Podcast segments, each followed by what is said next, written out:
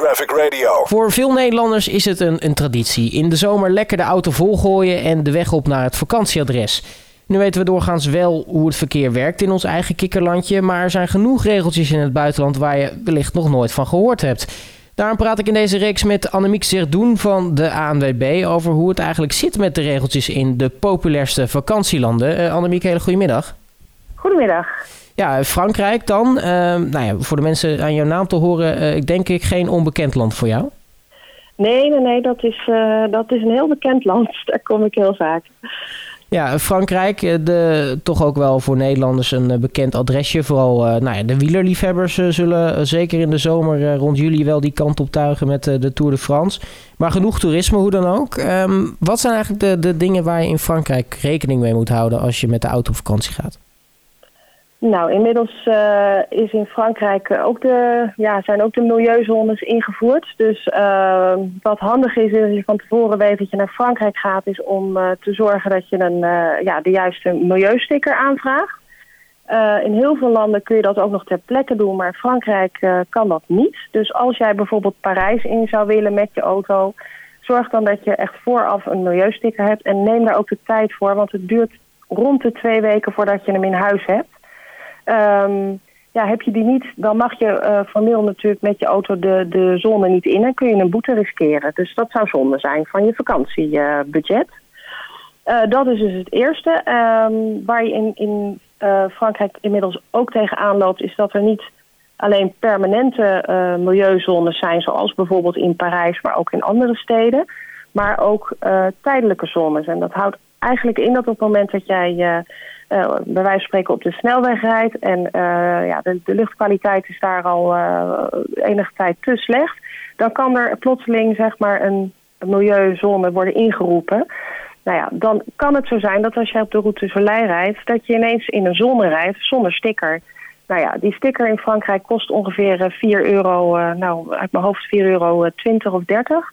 Dus daar hoef je het niet voor te laten. Dus dat zou in ieder geval al mijn tip zijn voor als je door Frankrijk rijdt.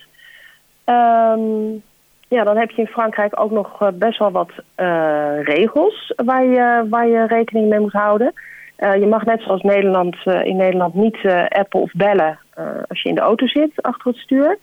Maar dat mag ook niet als je stilstaat. En dat is in Nederland dan weer anders. Dus je mag echt niet met je telefoon in je hand achter het stuur zitten. Maar wat je in Frankrijk ook hebt, ehm, dat je geen oortjes mag hebben als je uh, bestuurder bent. Dus dat kan zijn op de fiets, -hmm. maar ook in de auto. Dus je mag geen oortjes in hebben, ook niet één. Want je moet gewoon uh, ten alle tijden het verkeer en alles om je heen kunnen, kunnen volgen. Dus dat is ook iets waar je rekening mee kunt houden. Um, ja, en voor de rest, ja, wat moet je bijvoorbeeld meenemen in de auto als je naar Frankrijk gaat? Nou, dan kun je denken aan uh, de hesjes. Nou, dat is natuurlijk een algemeen begrip op dit moment in Frankrijk. Geen gele toch? Is, ja, geen, hesjes. In Frankrijk is ook de gevarendriehoek uh, uh, verplicht om mee te nemen. Dus uh, zorg dat die in je auto ligt als je Frankrijk doorrijdt. En net zoals als in een aantal landen om ons heen... mag je ook in Frankrijk bijvoorbeeld niet parkeren tegen de richting in. Dus als je in een leuk stadje een plekje ziet... Uh, kijk dan wel of je gewoon de goede kant op staat. Want anders dan uh, krijg je een boete. En boete is gewoon zonde. Je kan er beter leuk, uh, lekker van uit eten gaan. Ja, nu is Frankrijk ook enorm bekend om de tolwegen. heb je nog wat tips wat betreft nou ja, voor mensen die bijvoorbeeld nog nooit bij een tolhuisje geweest zijn?